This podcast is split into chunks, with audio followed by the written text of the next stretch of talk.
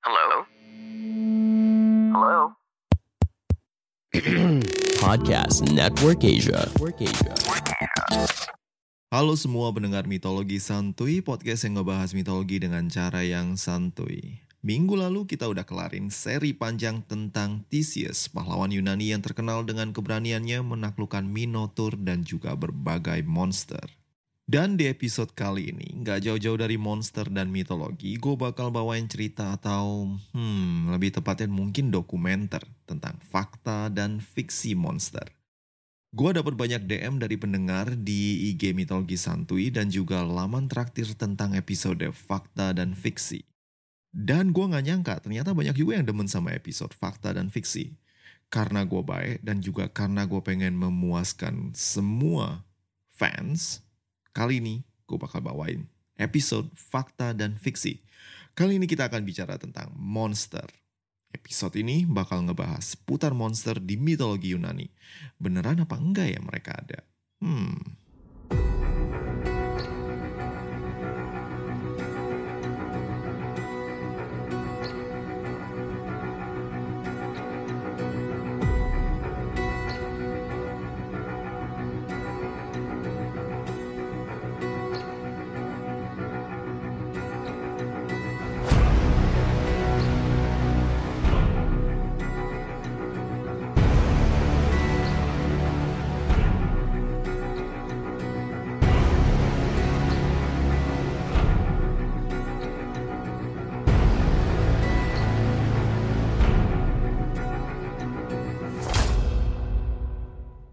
Di pinggir sebuah pantai berbatu, seorang gadis cantik terikat tanpa busana. Rupa dan parasnya cantik. Rambutnya yang panjang terurai dan basah oleh deburan ombak yang sesekali menerjang tubuhnya. Tatapan sang gadis penuh dengan kecemasan, seolah suatu bencana akan tiba menjemput dirinya. Gadis ini bukan gadis sembarangan. Namanya Andromeda, putri Raja Cepheus dan Ratu Cassiopeia, penguasa Ethiopia. Andromeda adalah korban kesombongan ibunya. Sang ibu yang tipikal emak-emak sosialita kelas atas yang sok cakep, membanggakan kecantikannya lebih dari semua putri duyung, peri-peri laut dan segala penghuni lautan. Cassiopeia bahkan bilang kalau kecantikan Tetis dan Amphitrite nggak ada apa-apanya dibanding dirinya. Of course, Tetis, si mama Achilles yang pernah bikin Zeus dan Poseidon kelepek-kelepek dan Amphitrite yang si ratu lautan istri Poseidon pun merasa tersinggung. Manusia sombong macam apa ini? Lancang sekali.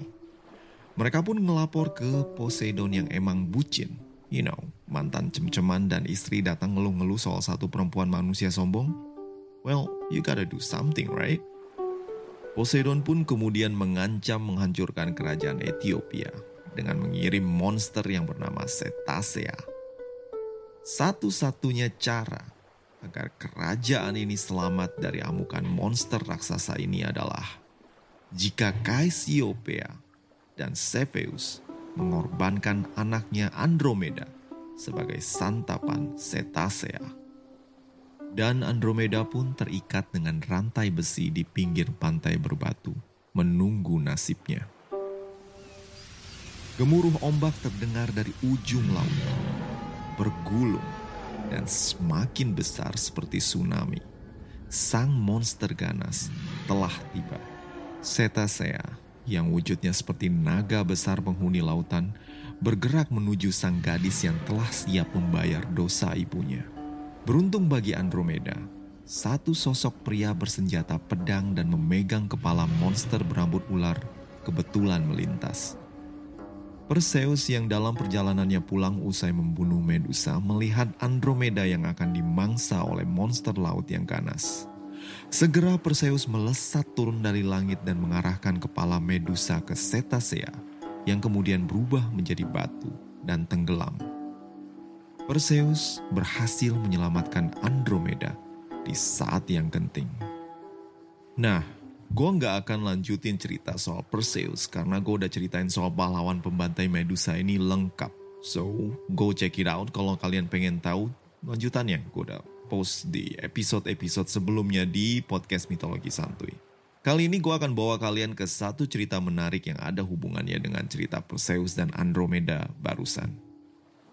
Pada tahun 58 sebelum masehi, seorang pejabat Romawi yang namanya Marcus Aemilius Scaurus membawa banyak barang-barang menarik untuk dipamerkan di Roma. Salah satunya adalah tulang-tulang monster cetacea yang ditaklukkan oleh Perseus sebelum sempat memangsa Andromeda. Marcus menemukan tulang-tulang ini di kota Joppa atau Java sekarang, yang ada di provinsi Yudea atau wilayah Israel sekarang. Tempat ini sejak dulu dianggap sebagai Ethiopia, tempat kerajaan Cepheus dan juga Cassiopeia. Anyway, tulang ini panjangnya 13 meter dan tulang rusuknya lebih tinggi dari gajah India, sementara tulang punggungnya setebal 45 cm. Orang-orang Romawi yang saat itu nggak pernah ngeliat tulang segede itu, percaya aja kalau ini adalah tulang monster mitologi yang pernah bertarung dengan Perseus. Kita nggak pernah tahu ini tulang apa, karena Pliny, orang yang nulis soal cerita ini, nggak pernah ceritain lagi ke mana tuh tulang. Mungkin itu tulang Plesiosaurus atau mungkin juga tulang Paus Purba. Yang jelas kita nggak akan pernah tahu selain cerita dari Pliny ini. Nah, mungkin nggak ya kalau orang-orang Yunani atau orang-orang Romawi itu secara nggak sengaja pernah menemukan fosil binatang purba lalu mengarang cerita atau mungkin sebaliknya. Yang jelas penemuan fosil binatang purba itu udah terjadi sejak zaman kuno. Sebuah vas Yunani dari abad ke-6 menggambarkan satu peristiwa saat Hercules menghadapi monster kiriman Poseidon yang akan menghancurkan Troya. Ya, mirip-mirip sama cerita Andromeda, tapi gadis yang bakalan dikorbanin di sini bukan Andromeda, tapi Hesione. Nah, yang bikin gambar ini istimewa adalah adanya tengkorak binatang besar yang tak dikenal. Gambarnya mirip dengan tengkorak dinosaurus. Monster-monster di mitologi Yunani memiliki kemiripan, besar, ganas, dan biasanya karnivora. Banyak dari monster-monster ini kemudian memiliki peran dalam cerita sebagai antagonis yang bakal dikalahkan oleh para pahlawan atau mungkin dewa. Mungkinkah monster-monster ini beneran ada? Cerita selanjutnya datang dari makhluk mitologi yang terkenal di Eropa, termasuk di Yunani, tapi kagak ada ceritanya sama sekali di mitologi Yunani, yaitu Griffin.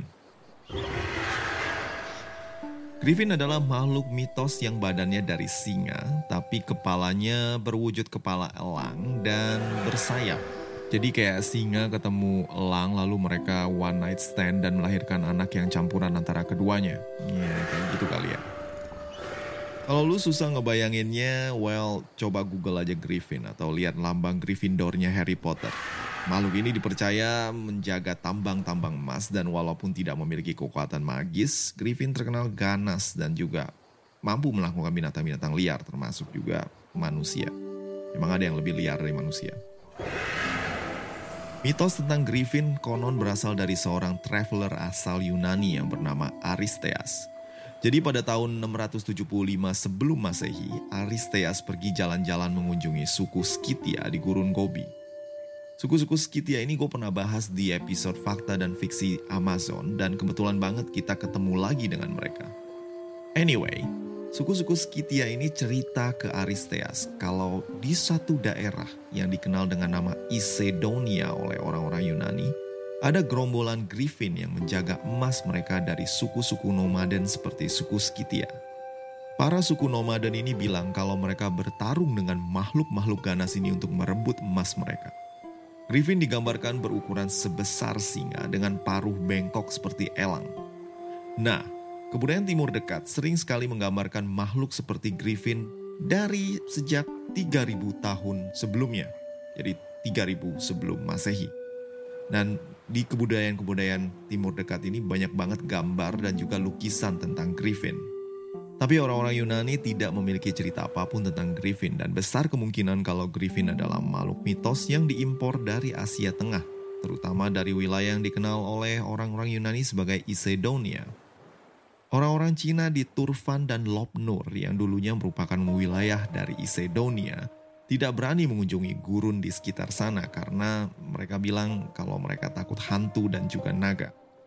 Orang-orang Cina ini tampaknya takut akan tulang-tulang besar yang mereka sebut sebagai tulang naga yang ada di gurun-gurun itu. Pada tahun 1922, seorang petualang dari Amerika bernama Roy Chapman Andrews mengikuti rute karavan kuno melalui Cina ke Gurun Gobi dan menemukan fosil Protoceratops yang berukuran sebesar singa dan juga kebetulan berparuh seperti elang. Fosil Protoceratops umum ditemukan secara utuh di gurun Gobi. Dan, hmm, mungkinkah ini griffin yang legendaris tersebut? Mungkinkah para suku nomaden menemukan fosil Protoceratops dalam misi mereka mencari emas dan dari sinilah cerita tentang griffin berkembang? Nah, di mitologi Yunani dan juga Eropa, tidak ada cerita mitologi tentang griffin. Jadi besar kemungkinan makhluk setengah singa dan elang ini memang berasal dari, you know, hasil pertemuan dengan orang-orang Asia Barat dan mungkin aja orang-orang Asia Barat yang ketemu tulang-tulang Protoceratops ketika mencari emas di gurun, kemudian menggunakan imajinasi dan apa yang mereka lihat ini menjadi satu sosok makhluk mitos yang bernama Griffin. Bangsa-bangsa Yunani kuno dan juga Romawi telah lama menemukan fosil-fosil atau tulang-tulang besar yang mereka anggap sebagai tulang dari monster yang dibunuh oleh para pahlawan mereka.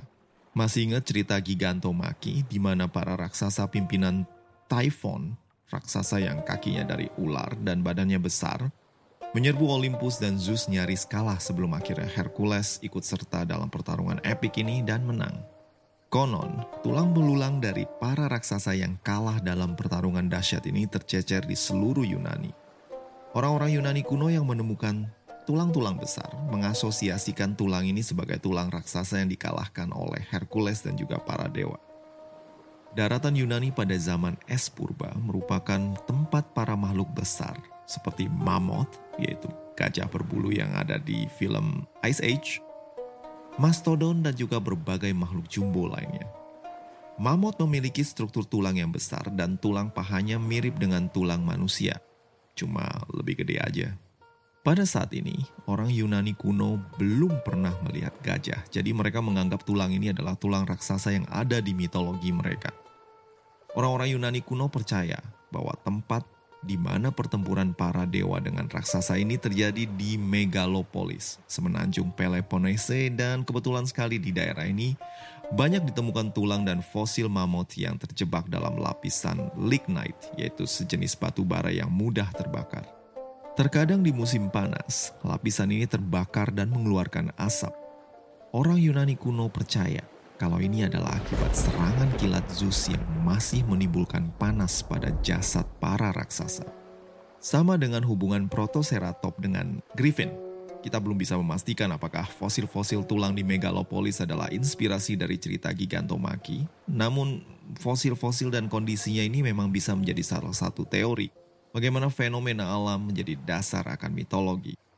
Selanjutnya di daftar monster kita adalah Cyclops. Cyclops, buat kalian yang belum tahu, adalah raksasa bermata satu yang terkenal dalam mitologi Yunani. Kadang raksasa mata satu ini digambarkan sebagai tukang besi yang handal dan merupakan pembuat senjata andalan Zeus yaitu kilat. Kadang mereka juga digambarkan sebagai raksasa ganas pemangsa manusia yang tinggal di gua, seperti di cerita Odysseus. Diceritakan Odysseus dan kru kapalnya pernah terdampar di pulau Sisilia dan bertemu dengan para Cyclops yang dipimpin oleh Polyphemus, Cyclops galak yang doyan makan orang. Odysseus dan kru kapalnya menjadi tawanan Polyphemus di guanya, dan setiap hari dua kru kapal Odysseus menjadi santapan dari sang Cyclops. Odysseus yang berniat melarikan diri memberikan wine untuk Polyphemus yang diterimanya dengan senang hati. Polyphemus menanyakan nama Odysseus dan Odysseus yang licik menjawab, nama gue nobody atau tidak seorang pun. Polyphemus yang belum pernah minum wine mabok berat dan teler ketiduran. Odysseus mengambil tombak dan menusuk mata Polyphemus dan melukainya. Odysseus dan kru kapalnya melarikan diri sementara Polyphemus berteriak memanggil teman-temannya. Nobody, nobody hurt me. Kisah petualangan Odysseus yang kocak um, buat kita jelasnya, tapi bukan buat Polyphemus yang dicolok matanya. Ini juga menurut seorang paleontologis atau ahli purbakala dari Austria bisa dijelaskan asal-usulnya. Di pesisir pantai Sisilia ditemukan banyak fosil gajah purba yang berukuran kecil. Nah, tengkorak gajah purba ini memiliki satu lubang besar di tengah yang merupakan tempat belalai mereka. Orang Yunani kuno yang dulu memiliki koloni di Sisilia kemungkinan menemukan tengkorak gajah purba ini dan melihat lubang di tengkorak mereka sebagai, well, rongga mata tunggal dan mengatakan kalau ini adalah tengkorak dari Cyclops. Karena pada saat itu orang Yunani belum pernah melihat gajah dan tulang ini mirip dengan gambaran Cyclops, mereka pun menganggap ini adalah peninggalan raksasa mata satu yang ada di mitologi mereka. Nah, jadi kesimpulannya apakah monster-monster di mitologi itu fakta atau fiksi? Kita tahu jelas bahwa banyak cerita dalam mitologi bersifat hayalan. Namun kita juga nggak bisa menepis fakta bahwa ada juga yang terpengaruh oleh kejadian atau semacam pemahaman akan fenomena alam yang nyata.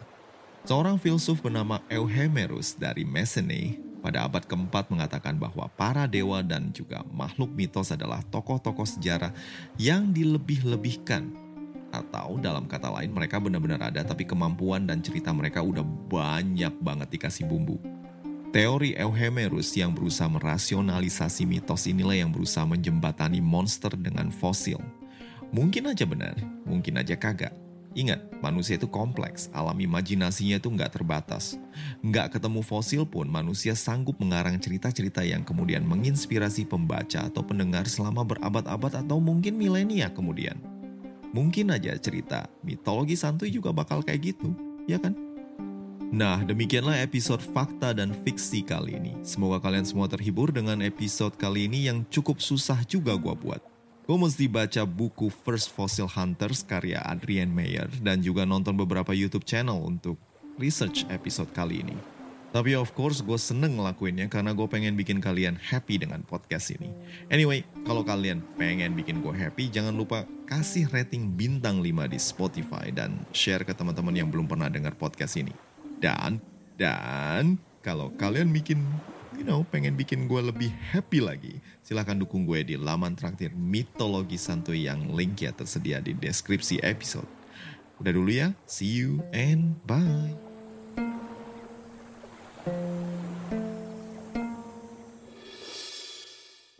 Hai, gimana episode tadi? Menarik bukan? Semoga bermanfaat buat kamu ya.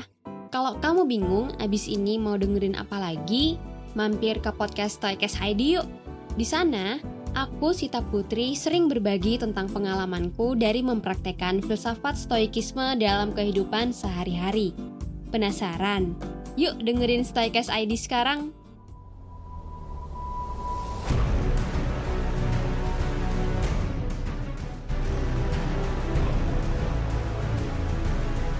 Pandangan dan opini yang disampaikan oleh kreator podcast, host, dan tamu tidak mencerminkan kebijakan resmi dan bagian dari podcast Network Asia.